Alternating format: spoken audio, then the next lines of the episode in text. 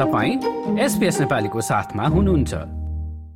नेपालका सञ्चार माध्यमहरूमा हेडलाइन बनेका समाचारहरूलाई पत्रकार नेपालबाट पत्रकार सबिन तमलाले विश्लेषण गर्दै हुनुहुन्छ। उहाँको विश्लेषण सुन्नतर्फ लागौँ।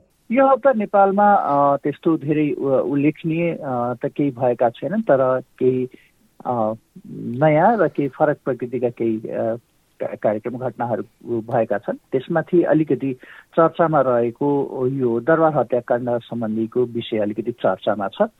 यो किन पनि चर्चामा छ भने मिडियाहरूमा अकल झुकल यो विषय उठाइँदै गरे पनि मूलधारका राजनैतिक दलका शीर्ष नेताहरूले यसबारेमा खासै चर्चा गरेको पाइन्नथ्यो भने यो हप्ता चाहिँ नेकपा एमालेका अध्यक्ष केपी शर्मा ओलीले र प्रधानमन्त्री समेत रहनुभएका नेकपा माओवादी केन्द्रका अध्यक्ष पुष्पकमल दाहाल प्रचण्डले विभिन्न प्रसङ्गमा यो विषयलाई कोट्याउनु भएको छ। त्योभन्दा अगाडि पूर्व राजा ज्ञानेन्द्रले एक सार्वजनिक कार्यक्रममा चाहिँ दरबार हत्याकाण्डको विषयमा अलिकति फरक तरिकाले बुझाइ भयो राम्रोसित बुझाइ भएन भन्ने आशयको अभिव्यक्ति दिए पछाडि यो प्रसङ्गहरू बाहिर आएको छ। सँगसँगै विगत तिन चार महिनादेखि यता हेर्ने हो भने पूर्व राजा ज्ञानेन्द्र देशाटनमा हुनुहुन्छ भनेको देशभरिका मठ मन्दिरमा जाने त्यहाँका स्थानीयहरूसँग भेट्ने त्यस पछाडि संवाद गर्ने अन्तर्क्रिया गर्ने सम्मान लिने सम्बोधन गर्ने गर्दै आइरहनु भएको छ। अब राजनैतिक रूपले यसलाई हेर्ने हो भने कतै दलहरू यसबाट सशङ्कित भएका हुन् कि भन्ने आकलन पनि अर्थात् त्यो पनि गर्न सकिन्छ। दुर्गा प्रसाई लगायतका केही अभियन्ताहरूले यस विषयलाई निरन्तर उठाउँदै आएको र अहिले संसदमै पनि प्रतिनिधित्व गर्ने एउटा राजनैतिक दलले यस विषयको वकालत गर्दै आएका कारणले गर्दाखेरि राजनैतिक दलहरूले राजाको यो अभिव्यक्तिलाई चाहिँ अलिकति फरक ढङ्गले र फरक महत्त्वले हेरेको भन्ने मान्नुपर्छ। यो सँगसँगै काठमाडौँ लगायत देशैभरि चिसो बढेको छ। हिउँदे वर्षा नभए पनि चिसो बढेको छ।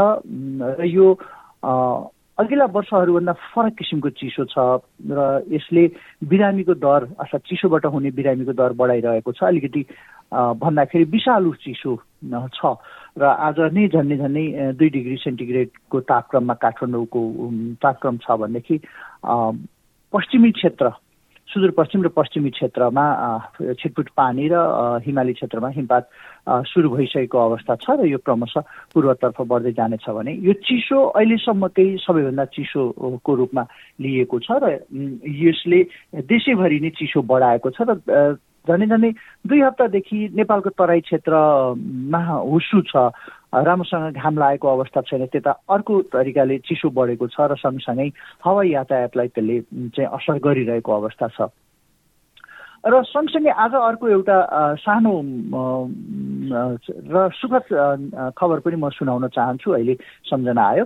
नेपालले बङ्गलादेशलाई चाहिँ यसै वर्ष हामीले भन्दाखेरि वैशाखभित्र नै यसै वर्ष चाहिँ चालिस मेगावाट बिजुली दिन सक्ने बेच्न सक्ने गरी चाहिँ एउटा सिलबन्दी दरबाउ चाहिँ बङ्गलादेश लिएर हाम्रा अधिकारीहरू उहाँ जानुभएको खबर छ। र नेपाल बङ्गलादेश बिच विद्युत व्यापार सम्बन्धी भएको सम्झौता अनुरूप चाहिँ यो पहिलो पटक चाहिँ नेपालले बङ्गलादेश बिजुली पठाउन कोसिस गरिरहेको छ। यदि यो सफल भएमा र नेपालले बङ्गलादेश बिजुली पठाउने बाटो खुलेमा हाम्रो बिजुली बङ्गलादेशसम्म भनेको भारत छोडेर बङ्गलादेशसम्म जान सक्ने ढोका खुल्छ। योभन्दा अगाडि भारतीय विदेश मन्त्री काठमाडौँ आएर दस हजार मेगावाटको विद्युत चाहिँ हामी खरिद गर्नेछौँ भनेर जुन सम्झौतामा हस्ताक्षर गरेर जानुभएको छ जुन एउटा सुखद खबर पनि हो। त्यो सँगसँगै बङ्गलादेशलाई बिजुली दिन सक्यो भने त्यो पनि एउटा सुखद खबर नै मान्नुपर्छ। र अर्को यहाँ उल्लेख गर्न नै लायक पछिल्लो समय नेपालका सरकारहरूलाई विदेशी मित्र राष्ट्रहरूले विदेशी कुटनीतिहरूले पनि चासो दिएका छन् र चिनिया उपमन्त्री आएर विभिन्न राजनैतिक दलका नेताहरूलाई राष्ट्रपतिदेखि लिएर राजनैतिक दलका नेताहरूलाई भेटेर जानुभएको छ। उहाँले राजनैतिक दलका नेताहरूसँगको छलफलमा या औपचारिक रूपमा भएका अन्तर्क्रियामा चाहिँ नेपाल चिन सम्बन्धलाई चाहिँ केही बाहिर नेपालका चाहिँ उहाँले भन्दाखेरि केही बाहिरकाले चाहिँ अलिकति दखल दिइरहेको खलल पुर्याउन खोजिरहेको छ भन्ने आशयको अभिव्यक्ति पनि दिएर जानुभएको थियो। त्योभन्दा अगाडि जयशङ्करले पनि झन्डै झन्डै उस्तै उस्तै प्रकृतिको अभिव्यक्ति दिनुभएको थियो। भनिसके पछाडि अहिले नेपाल छिमेकी र त्योदेखि बाहिरका देशहरूको चासोको केन्द्रमा पनि छ। बिस्तारै विकसित हुँदै गएको राष्ट्र र बिस्तारै आफ्नो खुट्टामा उभिँदै गएको अर्थात् स्वावलम्बन हुँदै गएको राष्ट्र र अब नेपालले चाहिँ यो दक्षिण एसियाली क्षेत्रको शक्ति सन्तुलनमा विशेष भूमिका निर्वाह गर्न सक्छ भन्ने बुझेर पनि हुनसक्छ हाम्रा छिमेकी राष्ट्रहरूको र त्योदेखि बाहेक अरू देशका चाहिँ महत्त्वपूर्ण देशका चाहिँ कुटनीतिज्ञहरूले नेपालको नेपाललाई चाहिँ चासोपूर्वक हेरिरहेको अवस्था छ। र अर्को यो सँगसँगै मैले उल्लेखै गर्नुपर्ने भनेको आगामी माघ बाइस गतेबाट संसदको अधिवेशन सुरु हुँदैछ। यो संसदको अधिवेशन त नियमित प्रक्रिया हो तर यो चाहिँ अधिवेशन अलिकति महत्त्वपूर्ण छ। दुईवटा विषयले महत्त्वपूर्ण छ। पहिलो संहिता कार्यान्वयन सम्बन्धी आवश्यक विभिन्न विधेयकहरू सङ्घीय संसदमा अड्किएर बसेका कारण प्रदेशका संसदहरूले काम गर्न पाएनन् प्रदेश सरकारले काम गर्न पाएन अथवा उसले आफ्नो अनुकूलको कानुन बनाउन पाएन भनेर लामो समयदेखि यसको आवाज उठिरहेको थियो। कतिसम्म भने प्रदेशका आन्तरिक मामिला या गृह मन्त्रालय पनि भनेर बुझिन्छ त्यसलाई। मन्त्रीहरूले यहाँ आएर व्यक्तिगत सामूहिक रूपमा भेट गर्ने त्यस पछाडि पत्रकार सम्मेलन गरेर हामीलाई अधिकार दिएन भने हामी धरनामा बस्नुपर्छ भन्ने अभिव्यक्ति। त्यस पछाडि मुख्यमन्त्रीहरू आएर हामीलाई अधिकार दियोस् होइन भनेदेखि हामी आफ्नो आफै गर्छौँ भनेर पनि एकदमै असन्तुष्टिका स्वरहरू पनि अगाडि आइरहेको अवस्था थियो भने यो संसदको यो अधिवेशनले उनीहरूलाई चाहिने र उनीहरूले माग गरेको जुन छाता कानुनहरू छन् ती कानुनहरू पारित गर्नुपर्ने अवस्था छ। एक।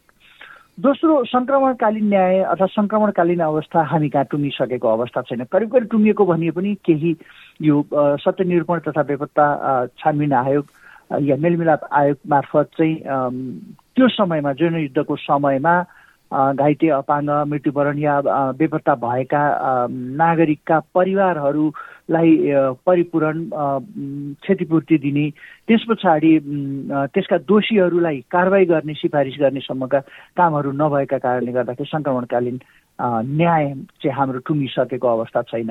र अहिले त कानुनमा गएर अड्किएर बसेको अवस्था छ भने चाहिँ यो अधिवेशनले त्यसलाई जसरी पनि अगाडि बढाउनु पर्ने अवस्था छ। हामी जनयुद्ध सकिसकेर या त्यस बेलाको चाहिँ माओवादी जनयुद्ध सकिसकेर यो अवस्थासम्म यतिका वर्ष भएर आउँदा त्यतिखेर छ महिनामै टुङ्ग्याउने भनिएको विषय यतिका वर्षसम्म पनि लिङ्गरिङ हुँदा यतिका वर्षसम्म तन्केर आउँदाखेरि पनि एउटा असन्तुष्टि विग्रह देखिरहेको अवस्थामा यो यो अधिवेशनले त्यसलाई टुङ्ग्याएर अगाडि गयो भने न्यायमा परेका अन्यायमा परेकाहरूले न्याय पाउने अथवा त्यसको प्रक्रिया अगाडि बढ्ने अवस्था छ। र सँगसँगै मैले यहाँ उल्लेख गर्न अर्को लायक के हो भने काठमाडौँको न्यु रोड क्षेत्र भनेको झन्डै झन्डै देशैभरिको केन्द्रमा रहेको त्यो व्यापारिक केन्द्र अहिले चाहिँ भेहिकल फ्री जोन बनाउने प्रयास चाहिँ काठमाडौँ महानगरपालिकाले गरिरहेको छ। त्यहाँको त्यो ब्ल्याक टप भनेको रोडभन्दा माथि चाहिँ गाडी पार्किङ गर्न नपाउने अथवा पार्किङ गर्न नदिने गाडी राख्न नदिने पिक एन्ड ड्रप भनेको जाने ओर्लिने या लिएर आउने चाहिँ पाइयो तर त्यहाँ रोक्न या पार्किङ गर्न चाहिँ नपाइने भनेर अहिले नियम लागू छ। केही व्यापारिक व्यापार व्यवसायीहरू चाहिँ यसको विरोधमा पनि हुनुहुन्छ। त्यहाँको हाम्रो बन्द व्यापारहरू कम हुन्छ घट्छ। त्यसले गर्दा भन्ने विरोधमा पनि हुनुहुन्छ भने एउटा ठुलो तब्काले चाहिँ यसलाई स्वागत गरेको अवस्था छ। बन्द गरेको धरहराको मुनि ठुलो पार्किङ एरिया बनाइएको छ अन्डरग्राउन्ड त्यो जमिन मुनि त्यहाँ पार्किङ गर्ने। त्यस पछाडि अर्को पुरानो बस पार्कको क्षेत्रमा पनि पार्किङ गर्ने भन्ने व्यवस्था मिलाइएको छ।